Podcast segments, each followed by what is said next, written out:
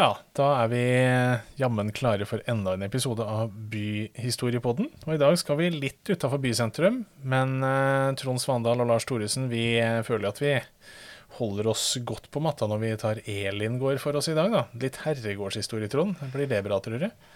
Dette er, uh, dette er, jo virkelig en del av, av historien vår, også til byen. selv om vi skal litt utafor bygrensene, så, så, føler jeg at vi er, vi er godt innafor Fredrikstads uh, nærhistorie. Det er omegnshistorien eh, på sitt beste, dette her.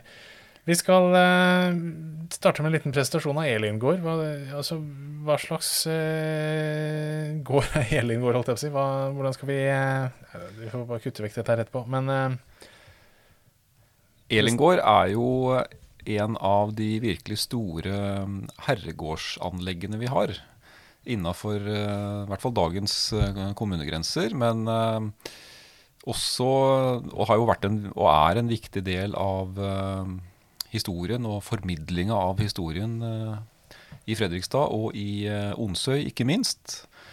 og så er jo Elingård en representant for noe Østfold hadde mye av noen hundre år tilbake, nemlig herregårder. Ja, En herregård, hvis vi skal definere det, det er jo en gård som har eh, adelige privilegier. Altså det er en adelsmann som besitter gården og har visse særrettigheter, gjerne litt skattefrihet bl.a., som følger den gården. Og gjerne også det underliggende jordegodset, som også kan være ganske stort. For disse herregårdene hadde jo gjerne mange gårder som de leide ut. Altså man hadde jo en eh, funksjon med leilendinger som betalte en viss avgift eller jobba med pliktarbeid på herregårdene. Og totalt sett så var dette her en del av dette adelsgodset som en herregård utgjorde, da. Eh, stemmer ikke det sånn noenlunde, Trond? Jo, det er jo den, eh, den, eh, tekniske beskrivelsen av en herregård. Den mer populære beskrivelsen er jo ofte bare en gård med store, flotte hovedhus og store bygninger. Men, men det var noe mer enn det. Det ja. var et vi kan jo, ja, som du sier, kaller det et gods. Eh, men dette var en ganske definert eh, struktur på 15-, 16-, 1700-tallet. Og særlig dette med skattefrihet var viktig i Norge for å definere hva som var en herregård. Mm. Og så bodde det en herre eller en frue der. Så det ligger noe mer i dette med herregård, eh, herregårder enn herregårdsstilen i diverse interiørmagasiner, i hvert fall. Det... Definitivt. Og vi er jo tilbake i et samfunn hvor, hvor det ikke var likhet for loven. Så her var det jo en samfunnsgruppe, nemlig adelen, som hadde helt spesielle privilegier. Som ingen andre hadde. Det gjør jo dem til en opphøyd gruppe. Eh, og det fantes ganske mange av disse herregårdene og disse adelsfolka i Østfold. Eh, det kan jo skyldes litt nærhet til både det som var det nærmeste vi kom en hovedstad i Norge på denne tida her, eh, selv om vi var sammen med Danmark, men også at vi rett og slett er ganske nærme Danmark i seg sjøl. Altså både Østfold og Vestfold er jo nært Danmark. Det er lett tilgjengelig for mange av disse danskætte adelsmennene, og noen kvinner, da, som eh, styrte disse herregårdene. Så ja, og opp gjennom historien, og da er vi egentlig den, den lange historien, så har forbindelsen mellom eh, Østfold og Danmark vært uh, veldig tett. Og det ser vi også en utløper eh, for i eh, herregårdshistorien, som jo strakte seg til opp på 1800-tallet. Eh, og så har vi jo et, både Vestfold og Østfold et, et landbruk og en geografi som egner seg også ganske godt da, for litt store gods med Det er ikke så mye høye fjell og daler her. Så du kunne få litt mer av den mer klassiske danske godsstrukturen. Mm. Men det finnes herregård på Vestlandet òg, så, så, her er det en, en broket kategori.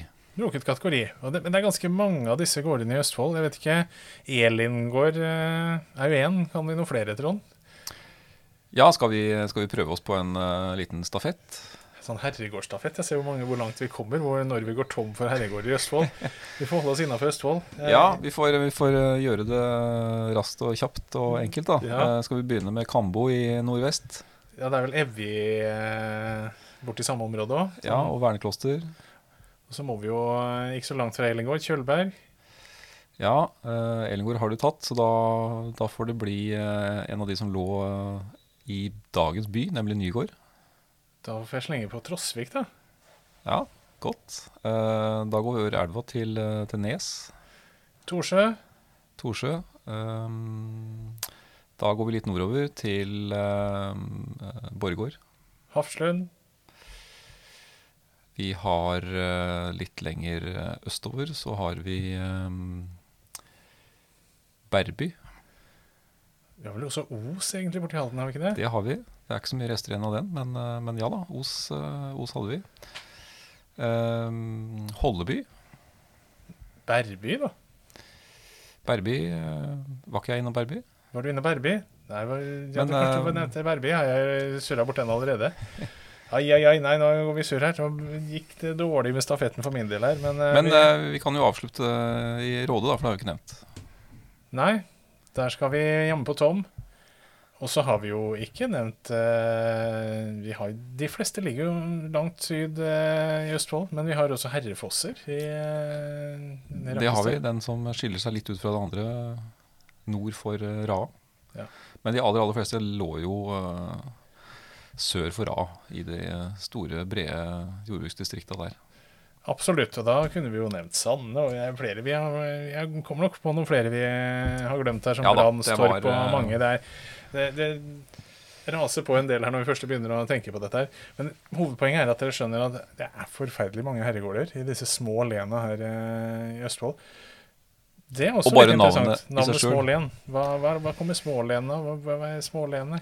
Smålenene, som var det gamle navnet på Østfold, um, det var uh, Ja, det var de små len. Altså det var små um, skal vi si, selvstyrte enheter. Og len uh, var en struktur fra uh, ja, særlig 1500-1600-tallet av. Um, styrt av en, en adelsmann.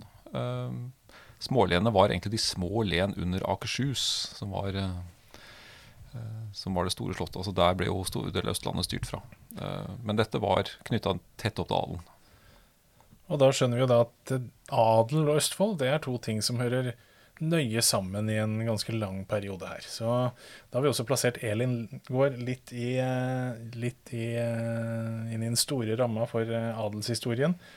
Eh, Hvis vi da skal gå tilbake fra alle disse herregårdene rundt omkring i fylket og eh, kaste oss over Elin gård, da møter vi egentlig ganske tidlig historien her på eh, en vi var innom i forrige episode om Sarpsborg, Trond. For da er vi inne på familien Haftorsson. Altså en av den, den første navngitte familien vi hører om som hører til Elingård.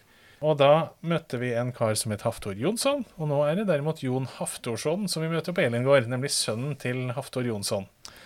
Ja, eh, dette er en interessant slekt. Eh, de var beslekta med, med kongene, Håkon 5., eh, og de, eh, den familien her eh, skaffer seg ganske betydelig adelsgods i Østfold. Eh, Borregaard, som vi var innom sist, og Elingård. Og nå er vi på 1300-tallet.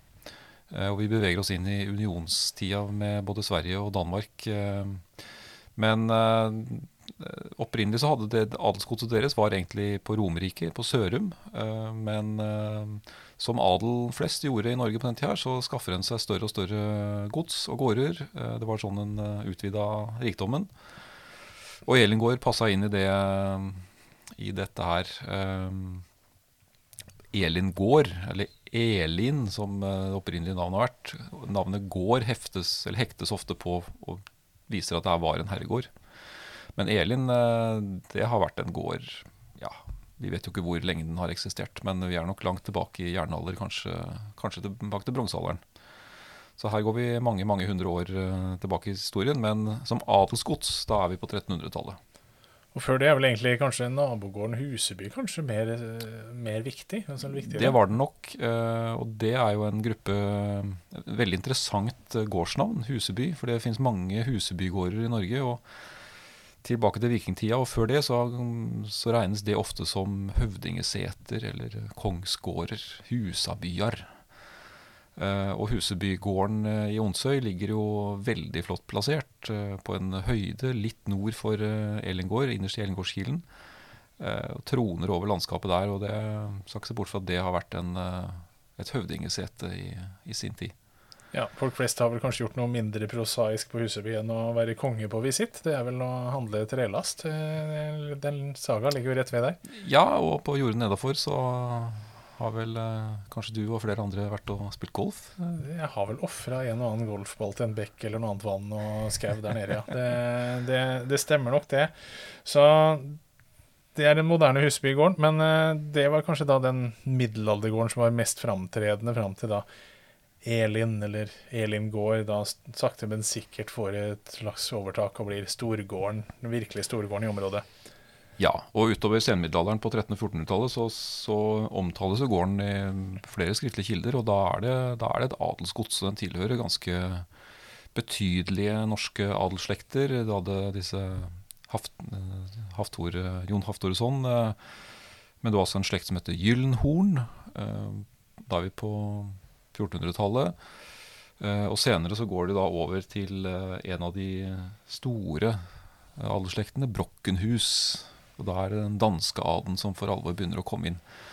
Men, eh, men som på 1300-1400-tallet så er det ganske vanskelig av og til å skille om de er danske, svenske eller norske adelige, for de gifta seg på tvers av landegrensene. Og her var det mye tette, tette bånd. Her er det jo også ganske tette bånd mellom Norge, Danmark og Sverige også, i denne treriksunionen man har i en periode her, Kalmarunionen. Og Norge er jo i union konstant fra 1319 og fram til 1905 med en av disse to landa. Lengst med Danmark, men eh, etter hvert også med Sverige. Men eh, Ja, det var jo vanligere med unioner i de hundreåra her. Um, og, og Østfold var jo et grenseområde, og det har jo prega historien her uh, egentlig til all tid. Uh, og veldig tydelig også i denne historien her. Den tidlige historien, sånn middelalderhistorien til Elingård, det er vel vanskelig egentlig å si veldig mye detaljert om, for det finnes jo ikke så enormt mange kilder til middelalderen. Der er det mer fragmenter av litt forskjellige ting, og man er vel nesten fornøyd om man bare vet hvem som har eid gården til enhver tid. Ja, det er ofte det den klarer å finne. Kan ha flaks å finne noe- noen rettssaker, og det har vært noen Det har skjedd litt der ute, så, så noe vet en, men, eh, men det er lite arkeologiske funn fra middelalderen. Så det er, eh, det er jo når vi kommer mot 1600-tallet, det er da Elingård for alvor eh, trer frem i historien, og vi begynner å vite mer. Og da begynner det også å minne litt mer om det godset vi ser i dag. Eh, og der, hvis vi skal beskrive dette godset, hva består Elingård egentlig av? Det, er- det, er- det er noen vollgraver der, og det er eh, gårdsbygninger naturligvis, men eh, Ja, selve hovedgården er jo i dag en storslått, eh, stor trebygning med to sidefløyer. eh, men den har vært ramma av brann. Eh, vi vet om to store branner midt på 1600-tallet og midt på 1700-tallet. Så det, vi vel tror, da, er at det har vært en stor, store trebygninger. Det er noen kraftige murkjellere som sannsynligvis er fra mm, midten av 1600-tallet, som fortsatt står og er i bruk under hovedhuset. Eh, Men eh, dette var jo et eh, stort gods, og her har det vært store uthusbygninger, ladegårder, store stabbur, ting som hørte med til en, til en staselig herregård og et gods. Og så var det jo da ikke bare denne gården, men det var leilighetsgårder og etter hvert husmannsplasser. Altså det var, det var mange gårder i Onsøy som tilhørte adelsfolka på Elingård. Mm. Og i lange perioder så eide de også Kjølberg, så det var et sammenhengende stort eh, godskompleks. ja, for Kjølberg er jo nabogården på en måte her. Nabogodset, nabogodse, naboherregården, ja. Det er ikke så lang avstand fra Elingård og til eh, Kjølberg, det er det ikke. Men altså, nå er vi jo da egentlig kommet oss litt ut på slutten av 1500-tallet, og det er denne Brokkenhus-slekta som da har, har herregården her. Og det diskuteres jo litt om det er eh, denne Henrik Brokkenhus eller om det er Jens Bjelke som har bygd vollgravene på Ellingård. Det er litt, eh, man er ikke helt sikre på hvem som har bygd det, er man det? Nei, eh, det er jo veldig interessant. Altså, bare det å ha vollgraver på en, eh, på en herregård eller en privat gård i Norge er eh, veldig spesielt. Det er det ikke mange andre eksempler på. Og um, nei, vi vet jo ikke sikkert hvem det er som anla de. Det en, kan, altså en teori er jo at de har blitt anlagt på 1600-tallet, at det er under Jens Bjelke. Um, Og det er etter forbilde fra Danmark at det er eh, inspirasjon fra eh, danske slott. eh, Ja, og der, var det, der er det ganske vanlig. Uh, og der, selv fra, fra middelalderen av så var det ikke uvanlig med vollgraver. Så da tenker man så Christian, Er det ikke Kristian 4., eller den berømte Kristian Kvart, som han har gjerne omtales, som kan ha gitt uh, modellen for dette målgraven her, og at han også var på Elingård ved et par anledninger og besøkte Bjelke, og da var det interessant å vise fram at her har jeg en miniatyrvariant av slottet ditt, kjære konge. Uh, ja, det kan, det kan godt være. og men det kan også være eldre. Vi vet det rett og slett ikke. Uh, men både, både Brokkenhusene og, og, Bjelke var jo i, en, i det sjiktet som kunne tenkes å anlegge noe sånt. Og, det var jo Det har nok ikke vært av militær betydning. Så dette er uh, ja, for Det er jo noe som har kasta fram den tanken, at det kan ha vært av militær betydning. At man har ment det som et militært forsvarsanlegg på 1500-tallet. At denne Henrik Brokkenhus, som var noe mer aktiv i militære aktiviteter enn kanskje Jens Bjelke var. At han har eh, tenkt at også herregården skal forsvares, og at det har vært noe der. Men det flere teorier, ikke noe fasitsvar. Er det det vi må? Nei, vi har nok ikke det. det må, her må det nok eh, gjøres eh, flere undersøkelser. Og vi må nok til arkeologien skal en uh, finne et godt svar her. For det skriftlige kildematerialet gir oss nok ikke gode nok svar. Nei. Men da er vi Vi vet ikke så mye om denne Brokkenhus, men vi vet en god del om Jens Bjelke. Jens Bjelke det er vel egentlig den mektigste eieren som eh, har vært på Elingård noen gang, Trond? Er det ikke det? Jo, det må vi kunne si. Eh, Jens Bjelke var på første halvdel av 1600-tallet eh, kanskje den, den mektigste mann i Norge. I hvert fall en av de aller mektigste. Han, var, han hadde tittel av kansler, som eh, var sjef for det norske riksrådet. Og, og, var helt i øverste sjikt av adelen i Danmark. Han gifter seg jo da med, med datter til Henrik Brokkenhus, Sofie. Som uh, sies å ha vært Norges rikeste kvinne. I hvert fall Norges rikeste arving. Godt gifte, med andre ord. dette med Veldig godt gifte. De gifter seg i 1610. Og, Jens Bjelke blir jo da herre til Elingård, selvfølgelig, når han gifter seg. Sånn var det jo. Uh, men var jo også eier av uh, bl.a. det store eh, Austrått-godset i Trøndelag. Som han kanskje var. Kan hende han var vel så mye der som på Elingård, men, men kaller seg også til Elingård. Så det var viktig, et viktig gods, en viktig del av, av Jens Bjelkes uh, formue. Jens Bjelke er jo eh, en helt sentral, eh, og også hans sønn Jørgen er jo helt sentral både som general, eh, men også da i det helt øverste sjiktet i, i, det norske riksstyret. Og med selvfølgelig tette bånd til Danmark. De var jo, dette var jo en felles adel.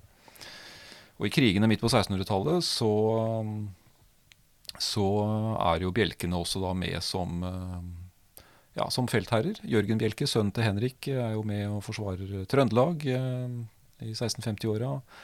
Eh, og de har jo også en eh, tett tilknytning da til Fredrikstad, som bygges ut som festningsby og befestes da under krigene på 1650- og 1660-tallet. Så de hadde også en mye viktig å si lokalt. Og så er jo Jens Bjelke også den som blir ramma av den første store brannen vi kjenner. Godset brenner jo i 1640-åra. og og Jens Bjelke får da sørge for at det bygges opp igjen.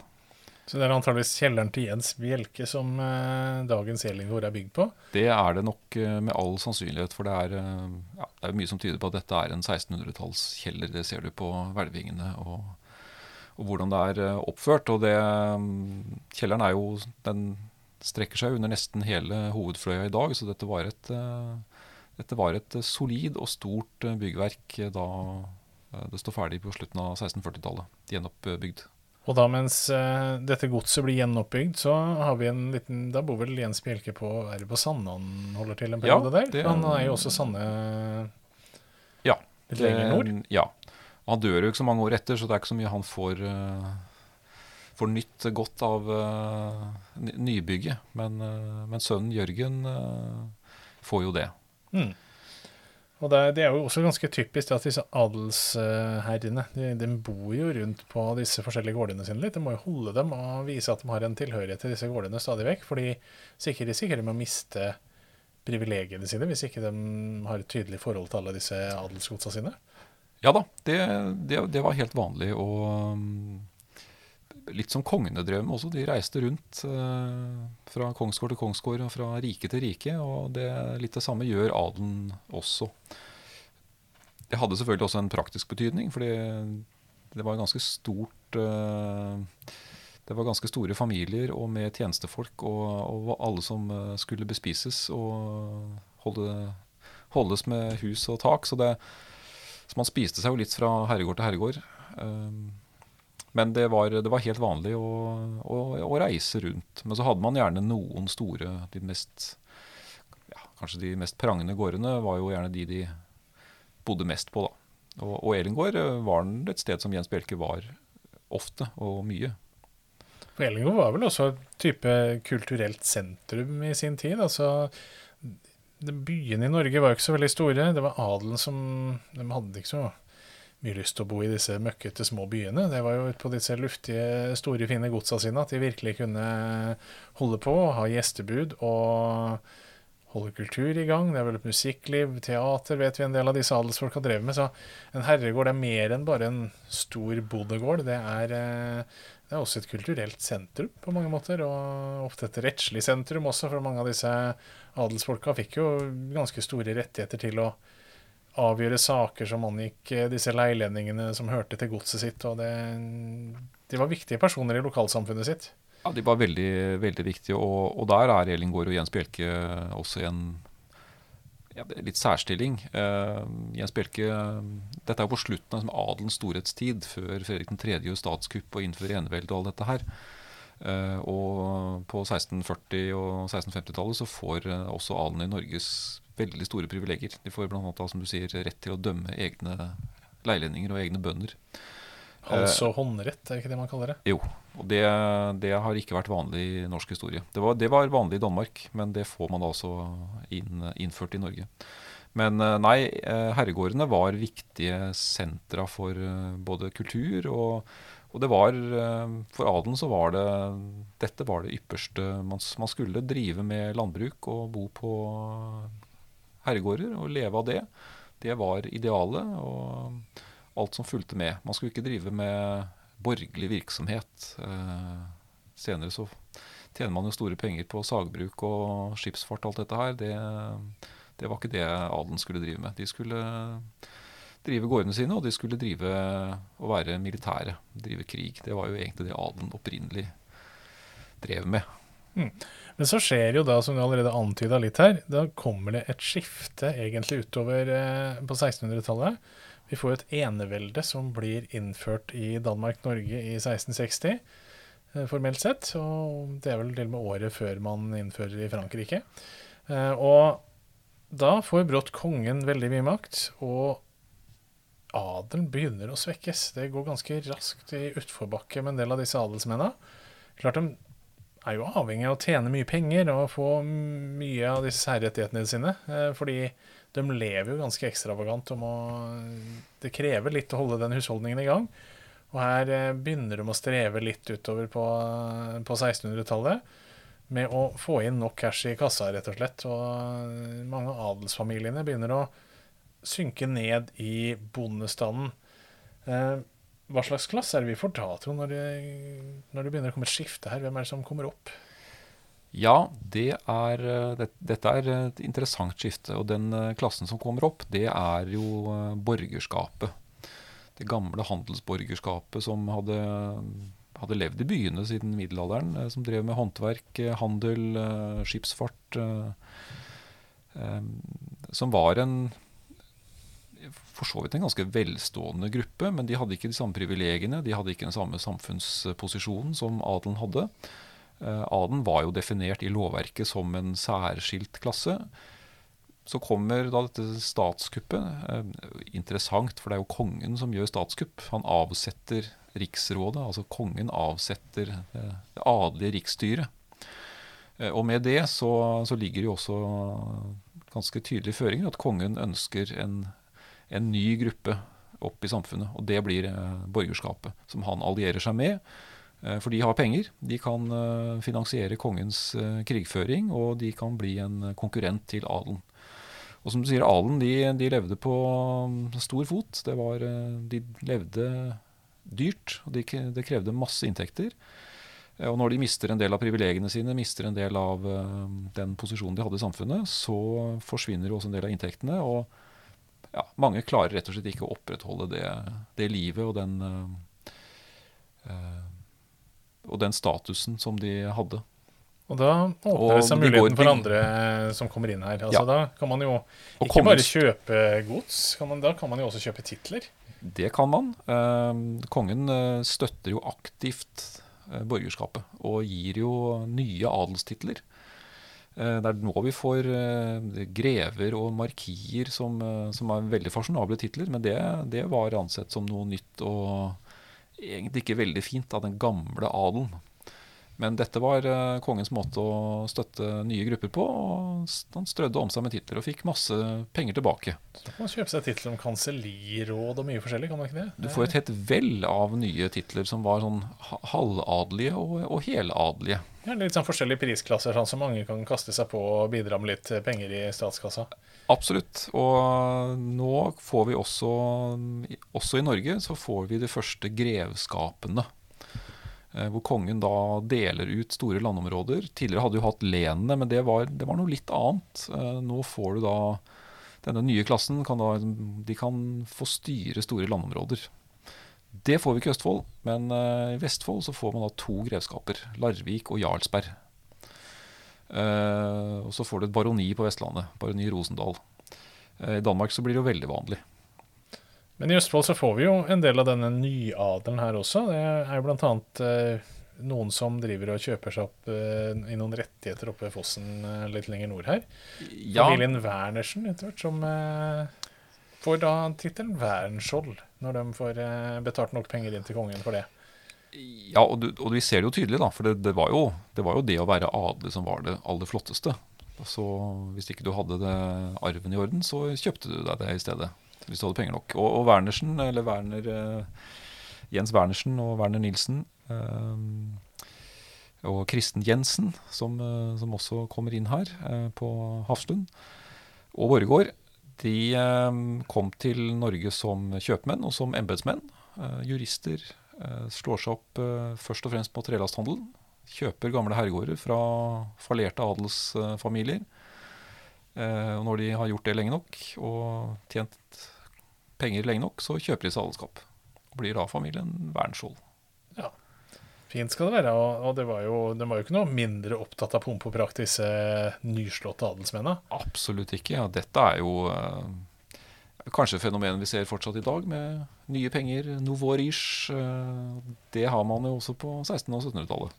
Da får man jo videreutvikling av Hafslundgodset f.eks., som eh, vel når høydepunktet sånn pomp og praktmessig under disse nye adelsmennene. Absolutt. Og, og disse, dette her var jo folk som også De kunne jo tjene penger, og de satser jo på det som ga store inntekter, nemlig trelasthandel og sagbruksdrift. Får jo egne privilegier på det i 1680-åra. Men dette var jo da en eh, samfunnsklasse som eh, hadde kongens gunst. Mens den, den gamle adelen, som Bjelke for så vidt hadde tilhørt, jeg skal ikke si at de forsvinner, for det gjorde det på ingen måte. Og de var fortsatt en uh, viktig samfunnsgruppe, og de, mange av de hadde store penger. Men, men mange går også nedom og hjem, og, og går fallitt, rett og slett, og må selge herregårdene. Før eller siden så går vel nesten nedom og hjem det meste av norsk tradisjonell adel. Eh, etter hvert, i hvert fall. Ja, eh, det gjør det. Og det men jo ser at mange av de gamle slektene gjør, det er at de da gifter seg til nye penger. Uh, men, uh, men det, var, det, var, veldig mange fallitter etter hvert, og veldig mange konkurser. Og man må gå fra, gå fra gård og grunn, rett og slett. Foreløpig så går det imidlertid ganske brukbart med Elingård uh, en stund til. Det er jo et par mektige mennesker igjen som skal styre Elin gård her, med litt adelig bakgrunn også. Absolutt. Det er jo et stort og velstående adelsgods de satser også litt på trelasthandelen. Det blir ikke noe veldig stort, men, eh, men, det er noen forsøk. Eh, men det er jo landbruket som var eh, det viktige. Men forbruket er også veldig stort. Hvis vi nå skal gå litt videre inn på Hvis vi går inn på 1700-tallet, da kommer jo et par Kanskje en av de mest kjente, allmennkjente kjente eierne, og ikke minst fruene, til Elin gård. Birgitte Kaas Huitfeldt. Ja. Det er en del sterke kvinner i historien til Elengård. Sofie Brokkenhus er jo en av dem som ikke kjenner så godt til. Men den andre, Birgitte Kristine Kaas, gifter seg da med Henrik Jørgen Huitfeldt, generalen. Er jo en, en, en fascinerende skikkelse, og må ha vært en, ja, en sterk kvinne, helt åpenbart. veldig velstående. Det var jo hun som arva godset. så gifter da Henrik Jørgen Huitfeldt seg inn i litt sånn som Bjelke hadde gjort. Nei Birgitte Kristine, eller Birte, som jo ofte kalles på folkemunne, styrer jo godset i flere tiår, og er dyktig og helt åpenbart på det. Men er jo også mer enn bare en godsbestyrer. salmedikter. Ikke minst. Ikke minst. Hun har Pietist. Tatt og oversatt en god del salmer og vært veldig en av disse kanskje mest kjente kulturelle personlighetene på Elin gård. Som kanskje har bidratt mest på den fronten, i hvert fall som vi kjenner til. Da. Det var, er jo absolutt sannsynlig at noen andre har bidratt vel så mye, egentlig. Men av det som er bevart for ettertida som vi kjenner til, så er hun en sentral person. Absolutt. Og Går det rykter om noen kortspillekvelder med bønder i nabolaget og sånn der òg, gjør ikke det? Det er mange, mange historier, og det er nok uh, noe sannhet i det. Og sikkert en hel del myter, for dette her var uh, Eh, ja, de, de, som bodde på Ellingård, levde jo i en helt annen verden enn leilendingene og husmennene som bodde rundt. Så her har det vært mye historier. Mye historier og spint mye rundt, uh, spunnet mye rundt det de store folka på Elingård har drevet med. Absolutt. Uh, men uh, også mannen hennes, general Huitfeldt, er jo en interessant person. Både med karriere fra store nordiske krig og, og som en av de ledende si, også av den gamle adelen som, som, drev, eh, som var i det militære, som var offiserer. Eh, helt typisk for sin samfunnsklasse. Og Dette er jo også noe vi kan kanskje tenke litt på innimellom i, i Østfold altså, og Fredrikstad. I dag så er vi vant til at Østfold har et litt dårlig rykte, og så er liksom et sted man ser litt ned på. Det er et sted man gjerne da ja, Ikke akkurat nå for tida, kjører fort igjennom på vei til Sverige. Det, altså, Eh, det er harryfylke, men det er også da et herregårdsfylke. Og hvis man har gått et par-tre århundrer tilbake i tid, så hadde vi i det gamle bondesamfunnet hatt en veldig sentral posisjon og vært vel ansett. Det var ikke mye harry over Østfold i, eh, på 1600-, 1700- og dels 1800-tallet. Nei, den, altså dette, denne herregårdskulturen uh, var jo av det ypperste du kunne få. Både økonomisk, uh, Eh, sosialt eh, og, og, kulturelt. Eh, dette var de rikeste, mektigste, viktigste familiene i, i Norge, og for så vidt også i Danmark-Norge, mange av dem. Så det var ikke noe det var ikke noe harry over, over Østfold eller smålenene den gang. Men det var jo et ekstremt lagdelt samfunn. hvor det var enorm forskjell mellom de få eh, adelige herregårdseierne og, og bøndene. Og skal vi si, leilendingsbøndene som bodde rundt. Og Det ble vel ikke noe mindre tydelig når eh, mange av disse, i hvert fall noen av de større herregårdene ved elva, f.eks. Hafslund og Borregaard, begynner å slå seg opp eh, som store, mektige handelsgods, må vi kunne kalle det nesten, med trelasthandel og store inntekter fra det. Hvor man da samtidig har et brukssamfunn med ganske små underdanige arbeidere som er tilknytta godset, så blir jo disse kontrastene også ganske store innad på, innad på godset også. Veldig konkret. altså På Hafslund bor jo flere hundre mennesker tilknytta godset innpå som ja. holder på med industrien der. Ja. Nei, det, det, det, blir jo ja, kanskje vel så tydelig der. Eh, men også i det, dette gamle bondesamfunnet så var eh, så var det enorm forskjell. Vi, vi tenker ofte på Norge som et, uh, også da på 1600-1700-tallet, som et jeg skal ikke si egalitært samfunn, men den norske bonden var fri og ganske selvstendig. Og en del steder i Norge så, det, så er det riktig. Men her Østfold, Vestfold og deler av eh, kysten, hvor du hadde disse store herregårdene, så var, var bøndene ja, veldig ufri. De var ikke de var ikke livegne som i Danmark men, eller Russland, men, men det var ikke langt unna heller. De ble dominert av de store adelsfolka, selvfølgelig. Og det er jo interessant eh, trekk ved historien, det òg. Eh, hvis vi nå skal gå litt videre her, komme oss inn på 1800-tallet, da begynner vi å nærme oss kanskje den siste virkelig mektige adelseieren av eh, Elingård, egentlig? Ja, det er, jo, eh, det er jo interessant når vi kommer opp mot uh, eh, 1800-tallet og litt nærmere vår tid. Kan jo nevne at det gikk jo heller ikke så bra med, til slutt med, med Huitfeldtene på Ellingård. Uh, sønnen til Birgitte og Henrik Jørgen, Valentin Huitfeldt, han gikk det med som det, som det gjorde med mange av herregårdseierne. Gikk konkurs og måtte da selge gården uh, i 1778. og etter det så var det flere eiere. Da blir det noen som bor der i noen år. Det blir litt et spekulasjonsobjekt. Uh, men eh, litt ut på 1800-tallet eh, og fram mot 1850-åra så er det da en siste, som du sier, en siste blomstring for, for den gamle en vaskeekte baron inn? Rett og slett en vaskeekte baron. Baron Wilhelm Fredrik Wedel Jarlsberg. Da blir det knytta til den andre siden av fjorden? Ja, og dette var ikke noen hvilken som helst familie. Dette var jo selveste Wedel Jarlsberg-familien.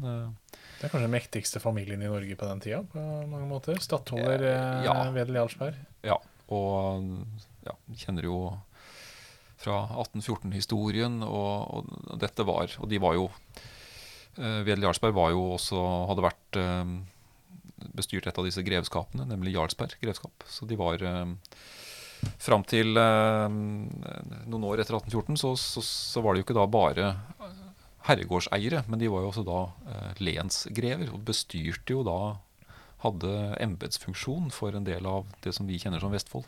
Mm. Eh, så dette var ikke noen hvilken som helst familie. Og, um, og når man da er stattholder også, det er jo den altså, svenskenes fremste representant i Norge på en måte, som styrte Norge litt på vegne av svenskene ja, også, i den familien her. sier jo litt om hvilken uh, familie det var. Og uh, vår baron, da, kjøper jo Elingård og bosetter seg der og bor der i en 30 eh, års tid. Og har nok satt ganske stort preg på både gården eh, Det er nok en del rester i dagens hovedbygning som stammer fra hans tid. Men selvfølgelig også vært en markant skikkelse i, i bygda. Så her får vi et sånn siste glimt av storhet. Eh, litt senere på 1800-tallet så er jo faktisk også Tom litt i hetluften, for å si det. Det er jo blant annet svenskekongene ofte innom der og fester på den nærliggende herregården Tom. Så det er, det er ikke slutt på pomp og prakt i området, men det er, begynner det kanskje å bli litt slutten på den mest sentrale stillingen for Elin gård med viktige personer når eh, baronen forsvinner. Ja, det gjør den jo. Og um, det er jo litt interessant i, i år. Eh, så er det jo 200 år siden Stortinget fatta et, eh, et, viktig lovvedtak. Det kalles for adelsloven, eller hvor man rett og slett avskaffa adelen i Norge. Det var jo en viktig del av, eh, av eh, konstitusjonsarbeidet på Eidsvoll. At privilegier skulle bort, den type gamle privilegier. Så det tok noen år før Stortinget fikk gjort det vedtaket, men i 1821 så blir det da vedtatt at adel og privilegier, og da også privilegier på den type gårder, skulle avskaffes. Men de som fortsatt var adelige, og de privilegiene som lå på gårdene, de skulle da vedvare til, eh, til slektene da forsvant mm. og døde ut. Eh, så jeg tror den siste, den siste adelige i Norge dør i tidlig på 1900-tallet eller noe sånt. Og vi har vel én siste levning, og det er da Jarlsberg, som er eh, ikke en eh, herregård i dag, for så vidt, men, eh, men et stamhus. Så det er siste rest. Men, men ellers så er jo da forsvinner jo adelen utover 1800-tallet. Og det gamle privilegiesamfunnet blir jo også borte. Og det er ikke noe plass til herregårdene lenger. Som herregårder. Men som store gårder så lever de jo videre. Da var liksom disse store adelige eiernes tid forbi på Elin gård. Og videre utover 1800- og 1900-tallet så er det ytterst skiftende eierskap for eh, denne herregården. I dag så er det jo kommunen som eier Ellengård, og det, og det drives jo museal virksomhet der. Men sånn generelt, altså ikke bare Elin gård, men også, også eh, andre herregårder. Hva skal vi gjøre på noe status for disse herregårdene i dag? Hva for noen rolle spiller de? Hva, hva er igjen her? Herregården i dag har nok først og fremst en eh, si, kulturell verdi. En del av dem er jo i privat eie fortsatt, og er, er gårder. Er, det, det, drives eh, landbruk. Men en del er jo også åpne for publikum. Er, eh, det er museal drift, som på Elin gård, hvor det er Fredrikstad museum som, som, bestyrer gården i dag. og Den har vært åpen for allmennheten i flere tiår. Og den herregårdshistorien, kulturen som, som lå til de gårdene her, har, eh, har nok ikke vært det som har hatt størst fokus i eh, norsk både historieforskning og, eh, og si, kulturell formidling. Det kan være mange årsaker til det. En, en, grunn tror jeg nok er at dette var dette er en litt annerledes historie enn den norske historien som vi har lyst til å fortelle om. Om den frie norske bonden og selvstendige ja, den selvstendige nordmannen. Eh, dette her var noe annet. Det var noe dansk. Men Eim av Danmark ligger over dette? Eim av Danmark. Det eh, passer ikke inn i det nasjonalromantiske bildet? Nei, og det har jo heller ikke hatt noe særlig fokus. Eh, det har nok skjedd et skifte de siste åra på det. Det gjøres en del forskning. og, og man formidler nok den herregårdshistorien på en, på en, litt annen måte også. Det er ikke bare å snakke om store, flotte hus og Nei. bare kunsthistorie. Nå er det mer om altså, hva, hva, var det faktisk for noe? For dette var et uh, ja, det er, det er, et spesielt fenomen i, i, norsk historie, men også en viktig del av norsk historie. Men det passer ikke så godt inn i skal vi si, arbeidereposet fra 1900-tallet heller. så det, det nei, blir noen nei, det gjør ikke det. Så det er, eh, det er, det er mye ved herregården som ikke passer inn. Eh, og desto større grunn til å fokusere på det. Ja. Og så passer herregården egentlig ikke inn i Harjur fylke Østfold heller. Det er mye som ikke passer her. Altså det... nei, men vi har dem i Fredrikstad, og da er det viktig at vi også ikke glemmer dem. Ja, vi starta jo med en sånn herregårdsstafett, og vi glemte jo egentlig to, da, på en måte.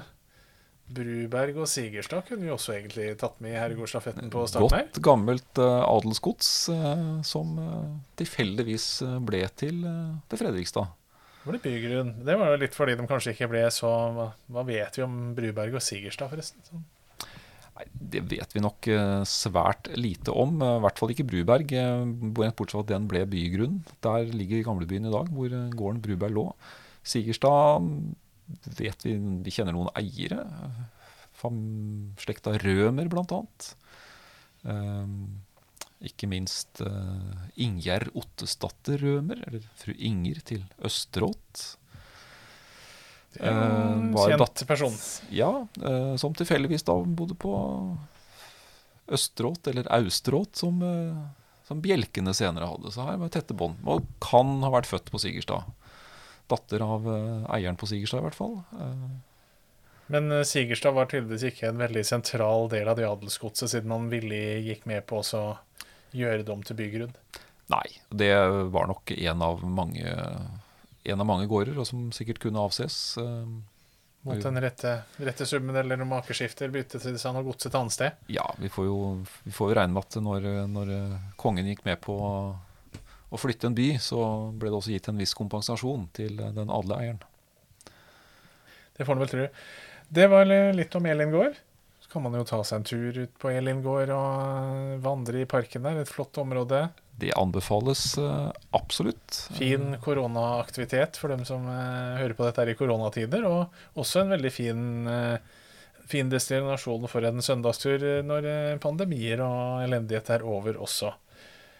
Hvis du har blitt trigga litt av denne herregårdshistorien og er interessert i å vite mer om det, så er det jo gitt ut et par hefter om selve Elingård, som vel fortsatt er i salg hos museet, vil jeg tro.